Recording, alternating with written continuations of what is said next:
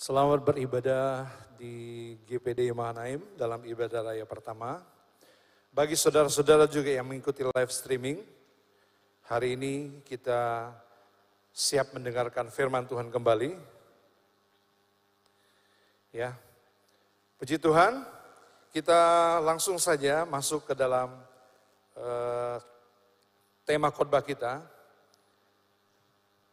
Kalau saudara ingat, dua minggu yang lalu eh, saya menyampaikan ini di ibadah pagi juga tentang lima pertanyaan ini, lima pertanyaan atau question of life. Lima pertanyaan menemukan tujuan dan keputusan Tuhan bagi diri kita. Jadi kalau kita melihat hal ini, kita sudah tahu bahwa Tuhan itu sudah punya tujuan atas diri kita. Bahkan Tuhan sudah punya keputusan atas diri kita. Ya, hanya saja dia tidak menentukan, dia tidak pernah menentukan. Dia ingin kita semua diselamatkan. Tapi dia tidak menentukan siapa yang selamat atau siapa yang tidak selamat. Ya, dia tidak menentukan uh, seperti itu untuk diri kita. Nah, kita melihat ini lima pertanyaan yang sangat penting yang mempengaruhi seluruh umat manusia Lima pertanyaan penting ini mengontrol setiap perilaku kita. Sadar atau tidak sadar, perilaku saudaraku dikontrol, digerakkan oleh kelima pertanyaan ini. Ya. Sikap-sikap saudara yang saudara lakukan, kalau saudara mengerti pertanyaan ini, kalau saudara menjawabnya dengan benar, maka kita juga punya sikap yang berbeda atas hidup kita. Nah pertanyaan ini adalah, siapakah aku, dari mana aku berasal, kenapa aku ada di sini, dan apa yang dapat aku lakukan di sini, dan ke mana aku akan pergi. Nah kelima pertanyaan ini sangat penting sekali. Kalau kita mempelajari hal ini, Yesus, ya Yesus Sang Juru Selamat kita, dia tahu persis kelima pertanyaan ini untuk dirinya. Nah, tetapi kita melihat eh, setiap orang di bumi ini yang hampir 8 miliar, ya tahun depan mungkin 8 miliar, eh, apa yang dilakukan manusia dimotivasi oleh kelima pertanyaan ini. Orang yang paling miskin, yang tidurnya di bawah kolong jembatan, atau orang yang paling kaya, yang tidurnya di istana mungkin, ya orang-orang muda, termasuk orang-orang muda yang menyalahgunakan kehidupannya sampai kepada orang tua. Dari politisi yang duduk di MPR, pejabat-pejabat pemerintah, sampai rakyat yang biasa, kita lihat dipengaruhi oleh kelima pertanyaan ini. Dia sadar atau tidak sadar, dirinya diperlakukan, dirinya dikontrol oleh kelima pertanyaan ini. Nah, kita masuk siapakah aku? Ini kita sudah membahasnya. Ini pertanyaan tentang siapa identitas kita yang sesungguhnya. Kelihatannya mudah pertanyaan ini, siapakah aku? Tetapi kalau kita merenungkan lebih dalam lagi, kita kesulitan menjawabnya. Ya, uh, terus dari mana aku berasal? Ini kita akan membahas ini, kita melihat dari mana kita berasal sesungguhnya. Lalu kenapa aku ada di sini? Ini pertanyaan tentang eksistensi, apa yang dapat aku lakukan itu pertanyaan tentang potensi, lalu ke mana aku akan pergi? Ini pertanyaan tentang tujuan. Coba saudara merenungkan eh, pertanyaan-pertanyaan ini. Ya, Yesus, Yesus kita, dia sangat paham siapa dirinya. Ya, identitas yang dimiliki oleh Yesus, dia sangat-sangat mengetahuinya.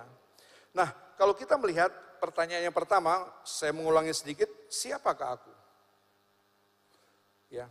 Jangan sampai identitas kita, jangan sampai kita next, jangan sampai uh, kita lihat ini, jangan sampai kita sebagai anak elang, tapi dibesarkan hidup di tengah peternakan ayam. Ya, kita sadari ini jangan sampai kita menjadi anak burung elang yang dibesarkan di peternakan ayam dan tidak menyadari, tidak mengetahui identitas yang sebenarnya bahwa diri kita adalah sebagai burung elang dan dia mati sebagai anak ayam. Harusnya kita melihat bahwa identitas kita, kita jadi seperti ini. Perhatikan gambar selanjutnya. Ya, kita mau jadi anak singa. Ya, kita dibesarkan di antara anak kucing. Kita mengira bahwa diri kita adalah seekor kucing. Kucing dan harimau bedanya uh, beda banget. Tapi kalau dia tidak menyadari jati dirinya, dia pikir dia dirinya seorang kucing karena dilahirkan di peternakan atau di uh, di kandang kucing. Dia adalah singa. Nah, saudaraku, ia baru menyadari ketika melihat gambar dirinya di air itu. Dia melihat gambar dirinya, ia berbeda dengan kucing. Nah, dia adalah seekor singa dan memiliki jati diri seekor singa. Nah, ini identitas. Identitas kita apa? Siapakah aku? Biasanya orang menjawab dengan profesi apa yang dia sedang kerjakan.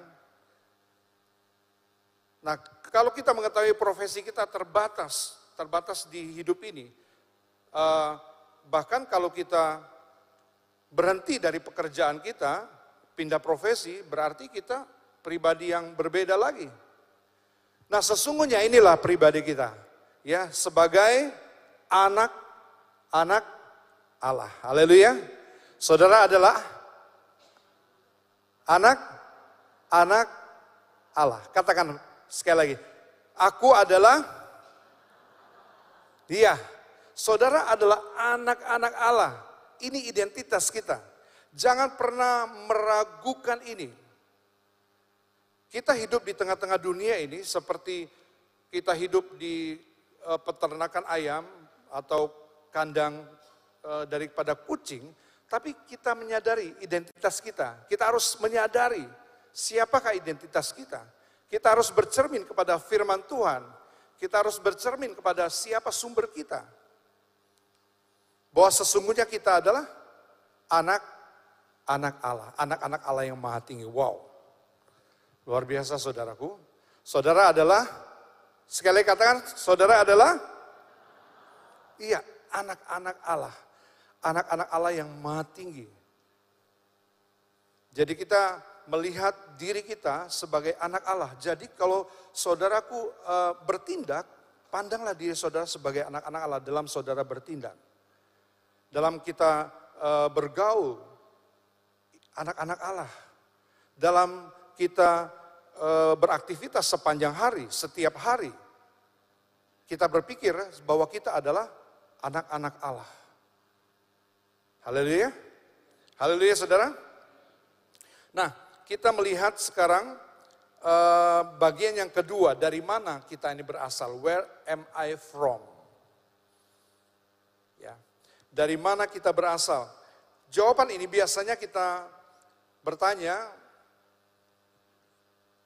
dari mana? Ya, kamu asal dari mana? Biasanya kita jawab dengan pertanyaan, uh, dari kota mana kita dilahirkan, dari dari kota mana kita berasal. Nah, saudaraku, kalau kita merenungkan, kalau ini pertanyaan yang uh, pertanyaan kehidupan kita, maka ini bukanlah pertanyaan tentang letak geografis atau dari negara mana kita berasal. Ya. Dari mana kota kita dari dari mana kita berasal, bukan tentang kota secara fisik. Ya, misalnya saya ini, saya dari Palembang, saudaraku, ada orang Palembang di sini? Oh, enggak ada. Ya, dari suku Chinese, dari etnik, suku tertentu. Nah, bukan itu saudaraku, bukan itu pertanyaan identitas kita, bukan itu pertanyaan asal usul kita. Ya, bukan eh, bahkan bukan spesies dari mana kita berasal ya menurut ilmu pengetahuan Charles Darwin, kita ini berasal dari bukan berasal dari monyet, berasal dari jenis satu uh, satu jenis dengan monyet. Itu. Wow, kita serendah itu. Ya, bahkan kalau saudaraku menggali uh, ilmu tentang geologi, kita bahkan katanya berasal dari jutaan tahun yang lalu, berasal dari kadal, berasal dari binatang tertentu, baru berevolusi, baru jadi kita seperti kita manusia ini uh, dengan proses yang begitu panjang. Nah, Yesus tidak pernah juga berkata tentang asal usulnya bahwa dia dari Naz dari Bethlehem, tanah kelahirannya. Ya, Yesus tidak pernah berkata dia dari Bethlehem, dibesarkan di Nazaret. Bahkan dia tidak pernah berkata dia orang Yahudi. Memang uh, Yesus dilahirkan dari orang Israel di Bethlehem, dia dilahirkan kota uh, secara geografis, tapi dia tidak pernah mengakui. Ya bahkan saudaraku, uh, dia menolak membatasi dirinya tentang asal usulnya. Asal usulnya di bumi ini. Dia dia bahkan menolak asal usulnya yang membatasi dirinya. Nah, memang kita bukan Yesus, saudaraku. Kita bukan Yesus yang juga dapat berkata demikian. Kalau kita ditanya, kamu dari mana? Ya kita jawab seperti Yesus juga. Ya kita memang bukan demikian, saudaraku. Tetapi hal ini seharusnya menyadarkan kita, sadarkan bahwa kita ini berasal dari dari mana. Nah, mari kita lihat dulu jawaban Yesus. Kita melihat jawaban Yesus. Nah, Yesus tahu dari mana ia berasal. Kita baca di dalam Yohanes 8 ayat yang ke-23. Yohanes 8 ayat 23 begini. Lalu ia berkata kepada mereka, kamu berasal dari dari bawah. Kamu berasal dari bawah. Nah, kita juga kan berasal dari bawah. Kita simpan dulu. Kamu berasal dari bawah, aku dari atas. Sangat jelas ini, Yesus tahu asal usulnya. Aku dari atas. Kamu dari dunia ini, aku bukan dari dunia ini. Aku bukan dari dunia ini. Kita lihat, kalau kita menyadari asal-usul kita, hal, hal ini juga akan kita katakan dalam iman kita. Terus lagi, ayat 16, Yohanes 16 ayat 27. Sebab Bapa sendiri mengasihi kamu karena kamu telah mengasihi aku dan percaya. Percaya apa? Bahwa Yesus datang dari Allah. Dia memang datang dari Allah, ya. Memang berasal dari letak geografisnya di Bethlehem, dibesarkan di Nazaret itu dia dilahirkan secara manusia. Ya. Tetapi dia katakan, aku datang dari atas, dari Bapa. Ayat yang ke-28, aku datang dari Bapa. Dan aku datang ke dalam dunia. Aku meninggalkan dunia pula dan pergi kepada Bapa. Dia tahu persis tujuannya.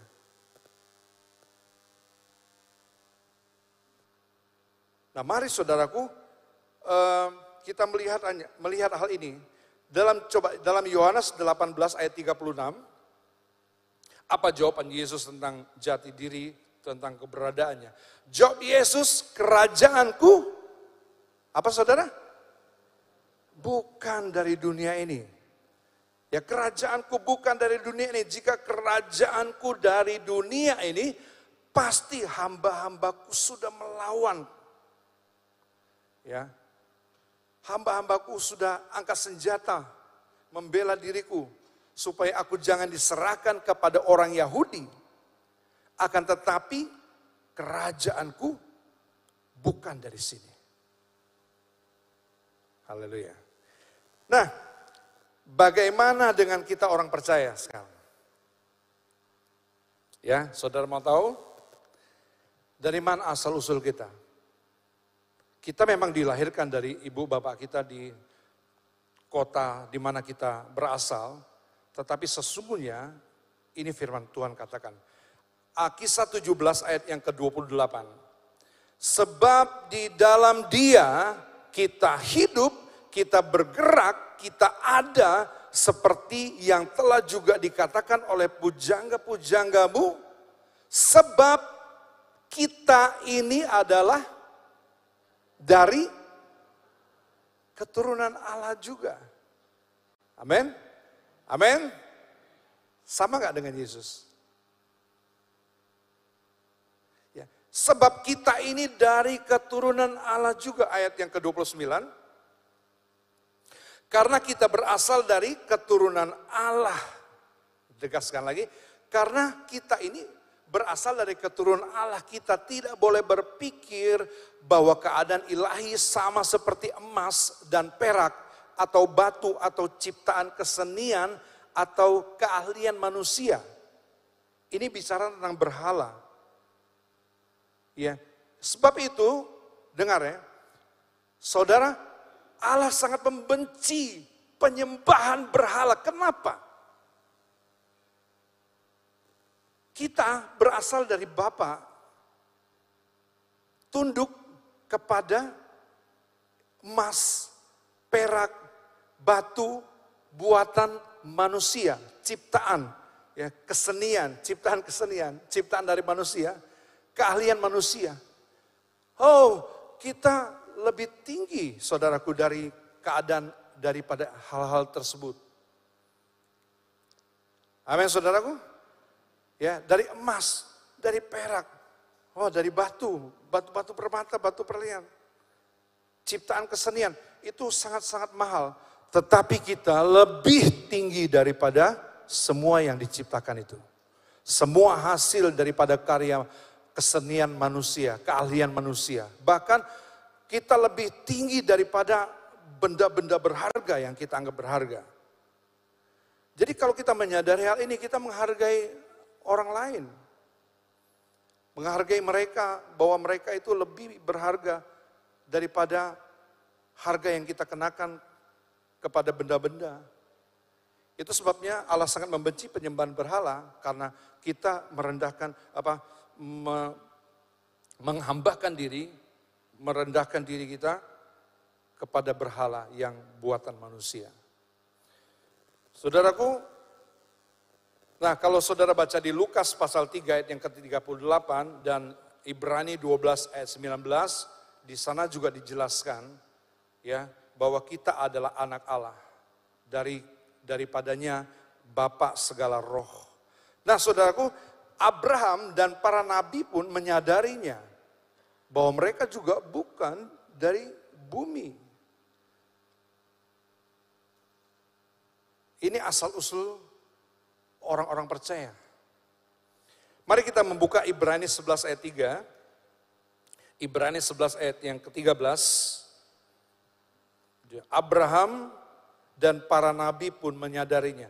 Ibrani 11 ayat 13.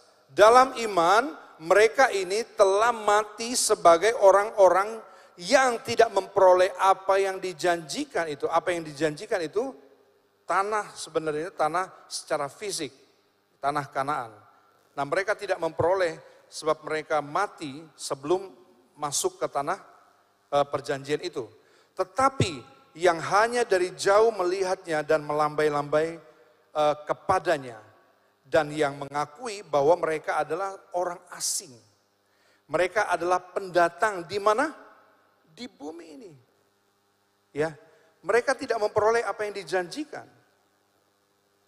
Mereka hanya seperti orang asing dan pendatang di bumi ini. Jelas sekali. Ya, orang asing dan pendatang di bumi ini ayat yang keempat. Sebab mereka yang berkata demikian menyatakan bahwa mereka dengan rindu apa? Ini. Rindu mencari suatu tanah air. Biasa kita nasionalis kita bela uh, Indonesia, ya orang yang nasionalis dia pasti membela Indonesia, dia tidak akan menghina bangsanya sendiri. Dia tidak akan uh, ngata-ngatain bangsanya sendiri. Memang keadaan bangsa kita tidak tidak baik, saudaraku. Tetapi orang-orang nasionalis, dia membela negaranya. Dia menjunjung tinggi negaranya. Saudaraku, rindukah saudara tanah air ini? Mencari satu tanah air. Berarti kita kita ini ada di bumi ini, tetapi bumi ini bukan tanah air kita. Saudara merasa seperti ini enggak? Kalau saudara tidak merasa seperti ini, saudara tidak akan pernah merindukan tanah air yang satu ini. Nah ayat 15, dan kalau sekiranya dalam hal itu mereka ingat akan tanah asal, ya ingat akan tanah asal mereka yang di Ur Kasdim, yang telah mereka tinggalkan, maka mereka ya, di Ur Kasdim tanah asal Abraham, eh, tanah Israel itu juga pernah mereka tinggalkan, maka mereka cukup mempunyai kesempatan untuk pulang ke situ. Mereka punya kesempatan, cukup punya kesempatan, cukup punya waktu. Dan tahukah saudaraku hari-hari ini, ya, uh, yang disebut aliyah itu, ya orang-orang yang orang-orang yang kembali, orang-orang Yahudi yang di perantauan itu pada kembali karena karena situasi negara mereka tinggal itu tidak aman seperti di Ukraina, mereka uh, keluarga uh, mereka terancam maka pemerintahan pemerintahan Israel mengirim pesawat khusus pesawat khusus untuk membawa mereka dari tanah di mana mereka tinggal yaitu di luar Israel kembali ke Israel. Itu disebut aliyah. Bangsa Israel saja mempersiapkan mereka kembali. Nah, ini cukup waktu kalau mereka mau kembali ke tanah asal mereka, mereka punya cukup waktu Alkitab katakan. Tetapi, ya ayat 16 ini. Tetapi sekarang mereka merindukan tanah air yang lebih baik. Ya mereka merindukan tanah air yang lebih baik, yaitu satu tanah air. Tanah air apa? Tanah air apa? Tanah air sorgawi. Haleluya. Rindu nggak saudaraku? Oh saya rindu sekali. Ini tanah air kita, tanah air sorgawi. Sebab itu Allah tidak malu disebut Allah mereka karena ia telah mempersiapkan sebuah kota. Ya Allah mempersiapkan sebuah kota bagi mereka. Ini tempatnya. Sorga, kerajaan Allah, kerajaan sorga.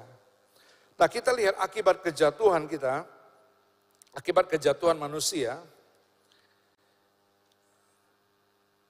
manusia hilang kemuliaan Allah. Ya, pengetahuan tentang asal usul kita juga hilang. Pengertian, pemahaman kita tentang identitas sejati kita, siapakah aku, menjadi hilang.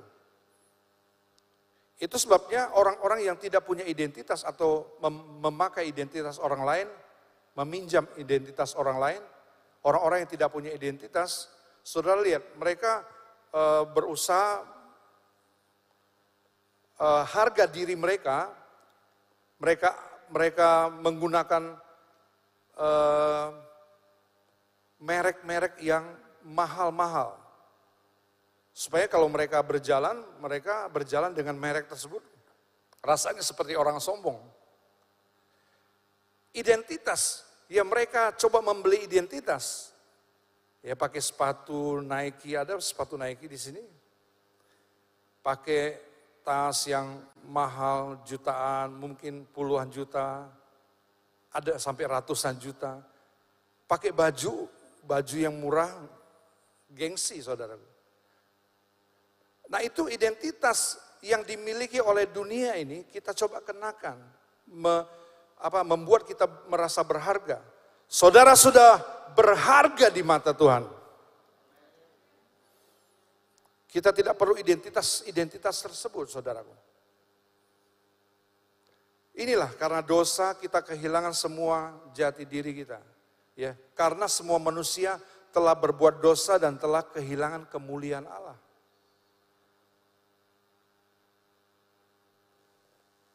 Tetapi kita bersyukur dampak ini kelahiran baru. Melahirkan kita kembali, menaturalisasi kembali kita kepada keluarga Allah, kepada kewargaan kerajaan Allah. Kita dinaturalisasi seperti ini, lahir baru. Saudara coba lihat Kolose 3 ayat 10. Dan telah mengenakan manusia baru. Ini apa ini? Ini kelahiran baru saudaraku. Mengenakan pakaian baru, pakaian yang lama kita copot dulu. Kita tidak mungkin mengenakan pakaian lama dan mengenakan pakaian baru. Itu tidak mungkin, tidak bisa. Pakaian lama kita copot dan kita sudah memakai pakaian yang baru. Itulah kelahiran baru. Ya kelahiran baru yang saudara miliki, uh, yang terus menerus diperbaharui. Ya, dikatakan di sini terus menerus diperbaharui untuk apa? Untuk memperoleh pengetahuan yang benar tentang apa? Tentang menurut gambar kaliknya, menurut penciptanya kita bertambah pengetahuan. Ya, bukan sekedar pengetahuan tetapi pengetahuan ini menyadarkan kita. Inilah identitas kita, saudaraku. Siapakah aku? Saudara sudah bisa menjawabnya. Dari mana kita berasal? kita bisa menjawabnya. Memang kita tidak tidak perlu menjawab seperti Yesus, saudara. Kalau kita ditanya ditanya Pak RT, kamu berasal dari mana? Dari sorga. Ya, kota kelahiranmu, Yerusalem baru. Wah. Kita tidak perlu menjawab seperti itu, tetapi ini menyadarkan kita, identitas kita seperti ini. Ya, asal usul kita seperti ini. Ini juga akan mempengaruhi pola tingkah laku kita kalau kita sadar hal ini saudaraku. Nah, kita melihat selanjutnya, ya inilah kebangkitan dari kesadaran baru yang Allah perbaharui. Gambar kaliknya yang kita peroleh dan itu memperbaharui pemikiran kita, memperbaharui uh, pemahaman kita, memperbaharui pengertian kita mengenai siapakah kita dan dari mana kita berasal. Ini kita ditambahkan lagi, bertambah-tambah dan terus menerus kita perlu sekali ditambahkan dengan pengetahuan seperti ini. Pengetahuan yang membuat kita sadar, pengetahuan yang membuat kita sadar akan siapa jati diri kita sungguhnya.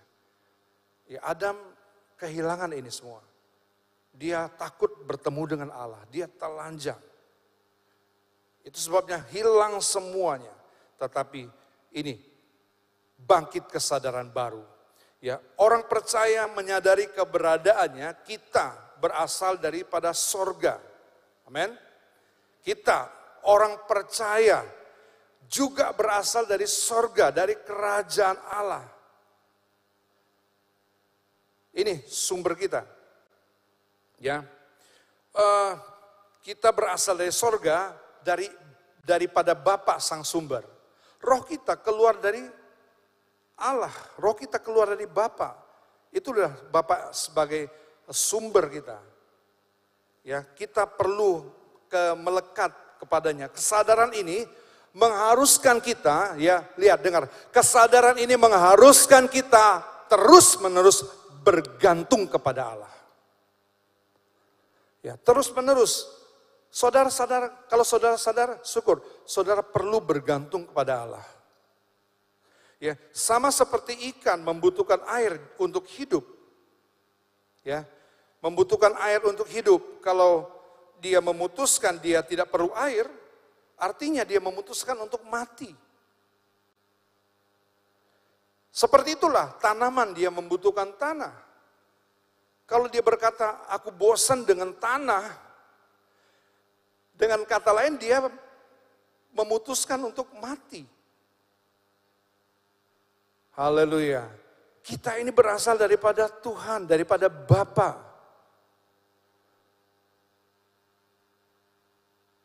Kalau saudara juga memutuskan bahwa saudara tidak butuh Tuhan, tidak perlu, aku bisa uh, bisa sendiri semua, aku buktinya aku uh, punya apa saja yang aku kehendaki aku bisa lakukan. Saudara kita berarti lepas daripada sumber.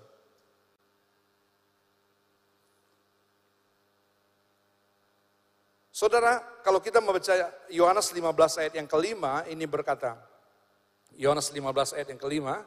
Akulah pokok anggur dan kamulah ranting-rantingnya. Barang siapa tinggal di dalam aku dan aku di dalam dia, ia berbuah banyak sebab apa?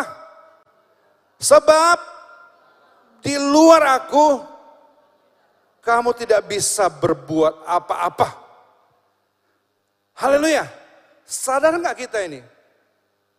Kalau kita tidak membutuhkan Allah seperti ikan, dia bergantung kepada air. Sumbernya adalah air. Air yang memberikan kehidupan kepada dia. Kalau dia berkata tidak membutuhkan air, aku tidak butuh air. Berarti dia jadi ikan goreng. Ya, ikan yang siap saudara santap, tetapi itu ikan yang mati. Nah, itu sebenarnya kita ber, perlu bergantung kepada Allah sepenuhnya. Dia sadar bahwa dia bergantung kepada Allah jadi kalau saudara orang percaya, orang yang tahu asal usulmu dari sorga, orang yang tahu engkau harus terhubung terus dengan Bapa di sorga, itu sebabnya engkau suka berdoa. Amin. Engkau suka berdoa pasti itu. Kalau karena engkau menyadari, saya sadar saya butuh Tuhan. Doa salah satu Eh, penghubung antara saya dengan Tuhan tidak terlepas daripada Tuhan. Doa. Doa, apalagi kita baca firman Tuhan, inilah sumber kita, sumber kehidupan kita. Kita berasal daripada Bapa, kita membutuhkan firman-Nya. Firman-Nya memberi kita kehidupan. Kita tadi kita lakukan pujian dan penyembahan. Harusnya itulah budaya kita. Kita tahu kita ini asalnya daripada sorga, kebutuhan kita akan firman, akan memuji, menyembah Tuhan, itu jadi kebutuhan utama kita. Jangan pernah melupakan itu. Sebab kesadaran itu kalau hilang, kita merasa bosan dengan Tuhan, bosan dengan pujian, bosan dengan penyembahan, bosan dengan baca firman Tuhan. Kita akan mati saudaraku, cepat atau tidak sadar atau tidak sadar, lambat laun kita akan mati rohani kita dan mati kekekalan dalam kebinasaan, saudara. Ya, kesadaran akan Tuhan itu perlu dihidupkan dalam diri kita. Kita menyadari terus, aku punya Tuhan, aku punya Tuhan, aku punya Tuhan. Bahkan ketika saudara menghadapi masalah, masalah apa pun, kesadaran akan Tuhan itu muncul, aku punya Tuhan yang besar. Saudara tidak akan pernah takut lagi. Nah kedua, kesadaran apa lagi? Bahwa kewargaan kita ada di dalam sorga. Kalau kita ini berasal usul dari sana, kita perlu warga negara. Ya, kita berasal daripada sorga, kita sadar juga bahwa kewargaan kita ada di dalam sorga, di dalam kerajaan Allah. Nah berita baiknya saudaraku, kerajaan Allah ini adalah kerajaan yang tidak kenal krisis. Kerajaan Allah ini tidak ada ketakutan di dalam diri, di dalam orang-orang yang tinggal di dalam kerajaan ini. Orang-orang yang menjadi warga negara kerajaan ini. Tidak ada ketakutan, kekhawatiran, kecemasan. Kalau saudara sebagai warga negara daripada kerajaan ini. Oh saudaraku, kalau jadi warga negara itu punya hak Saudara bagaimana begitu dilindungi. Kalau saudara bermasalah saja di negara orang, ya pemerintah atas nama pemerintah yang turun tangan melepaskan saudara dari tempat di mana saudara memiliki masalah. Nah, bukankah kita warga kerajaan sorga? Sebab itu kita menyadari menjadi warga negara begitu penting. Itu sebabnya kita perlu lahir baru di dalam kerajaannya. Di sorga tidak ada kekhawatiran, kecemasan, kegelisahan, ketakutan, tidak ada krisis. Kita baca di dalam Matius 6 ayat 31. Sebab itu janganlah kamu khawatir. Amin. Janganlah kamu khawatir. Jangan ini satu ketegasan. Jangan kamu khawatir. Wow. Gimana nggak khawatir situasi seperti ini? Kalau saudaraku warga negara kerajaan sorga, saya percaya saudaraku tidak akan pernah khawatir. Karena saudara tahu sorga akan menjamin kewargaan warga negaranya. Ya, Jangan kamu khawatir dan berkata apakah yang akan kami makan, apakah yang akan kami minum, apa yang akan kami pakai. Semua itu dicari bangsa-bangsa yang tidak mengenal Allah. Nah ini dia.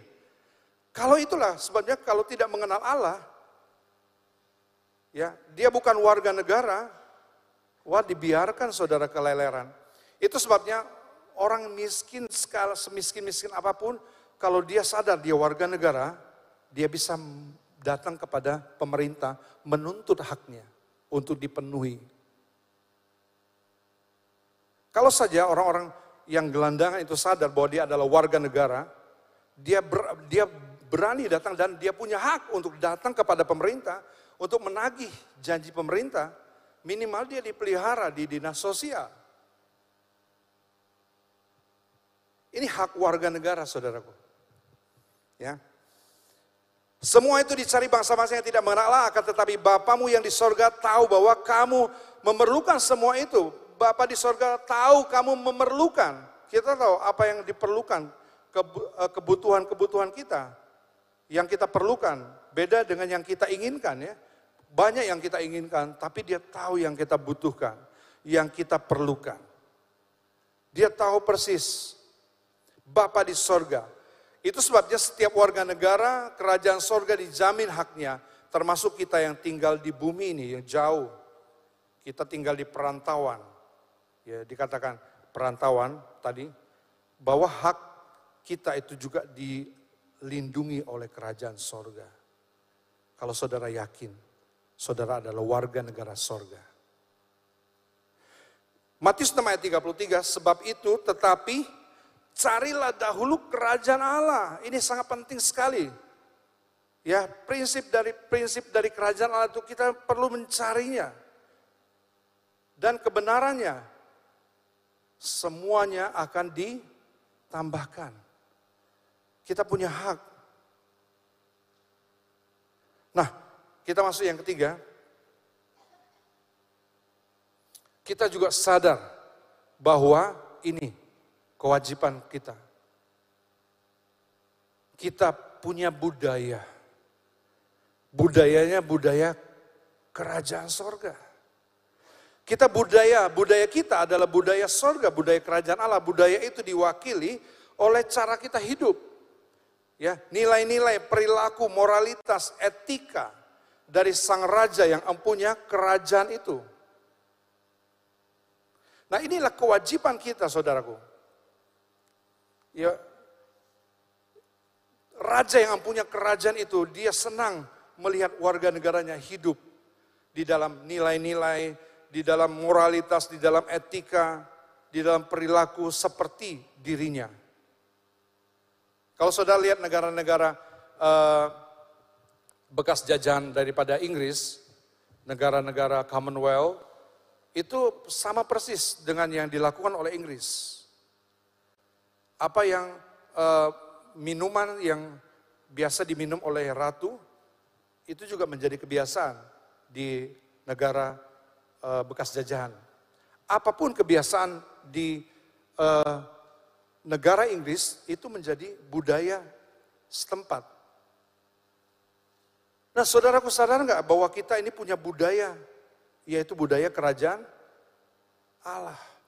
Cara hidup kita, perilaku kita etika kita adalah etika kerajaan Allah. Mari kita membaca di dalam Efesus pasal 5 yang pertama. Efesus pasal 5 yang pertama tolong dibukakan.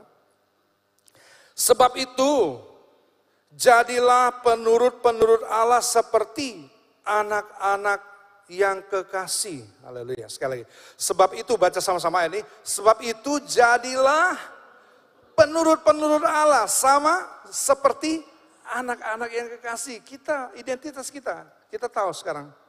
Ya kita tahu asal usul kita. Kita tahu. Jadilah penurut-penurut.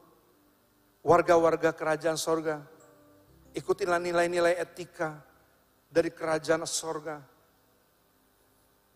Jadilah penurut anak-anak yang kekasih. Dan hiduplah di dalam kasih. Ayat yang kedua. Dan hiduplah di dalam kasih sebagaimana Kristus Yesus juga telah mengasihi kamu dan telah menyerahkan dirinya untuk kita sebagai persembahan dan korban yang harum bagi Allah. Hiduplah di dalam kasih. Sekali lagi ini budaya kita. Ini perilaku kita, ini gaya hidup kita. Hiduplah di dalam kasih. Jangan lepaskan warga negara kita. Kita punya hak warga negara, dilindungi benar-benar hak kita. Tetapi saudaraku wajib, punya kewajiban. Ini budaya hidupkan. Di mana saudara tinggal, di mana saudara beraktivitas, hidupkan budaya kerajaan sorga ini. Kita lihat lagi ayat yang ketiga, tetapi percabulan dan rupa-rupa kecemaran atau keserakahan disebut saja pun jangan. Karena inilah budaya kita, budaya kerajaan sorga. Tidak patut menyebut kata-kata kotor. Amin saudara. Amin saudara. Yang masih suka nyepatani. Itu bukan budaya kita. Itu bukan budaya sorga. Ya, e, percabulan disebut pun jangan, disebut siapa pun jangan, disebut aja jangan. Di antara kamu sebagai mana sepatutnya orang-orang kudus, sepatutnya orang-orang kudus. Itulah budaya kita orang-orang kudus. Terus lagi ayat yang keempat. Demikian juga perkataan kotor ya, yang kosong, yang sembrono karena hal-hal itu tidak pantas yang pantas apa? Ucapan syukur. Haleluya.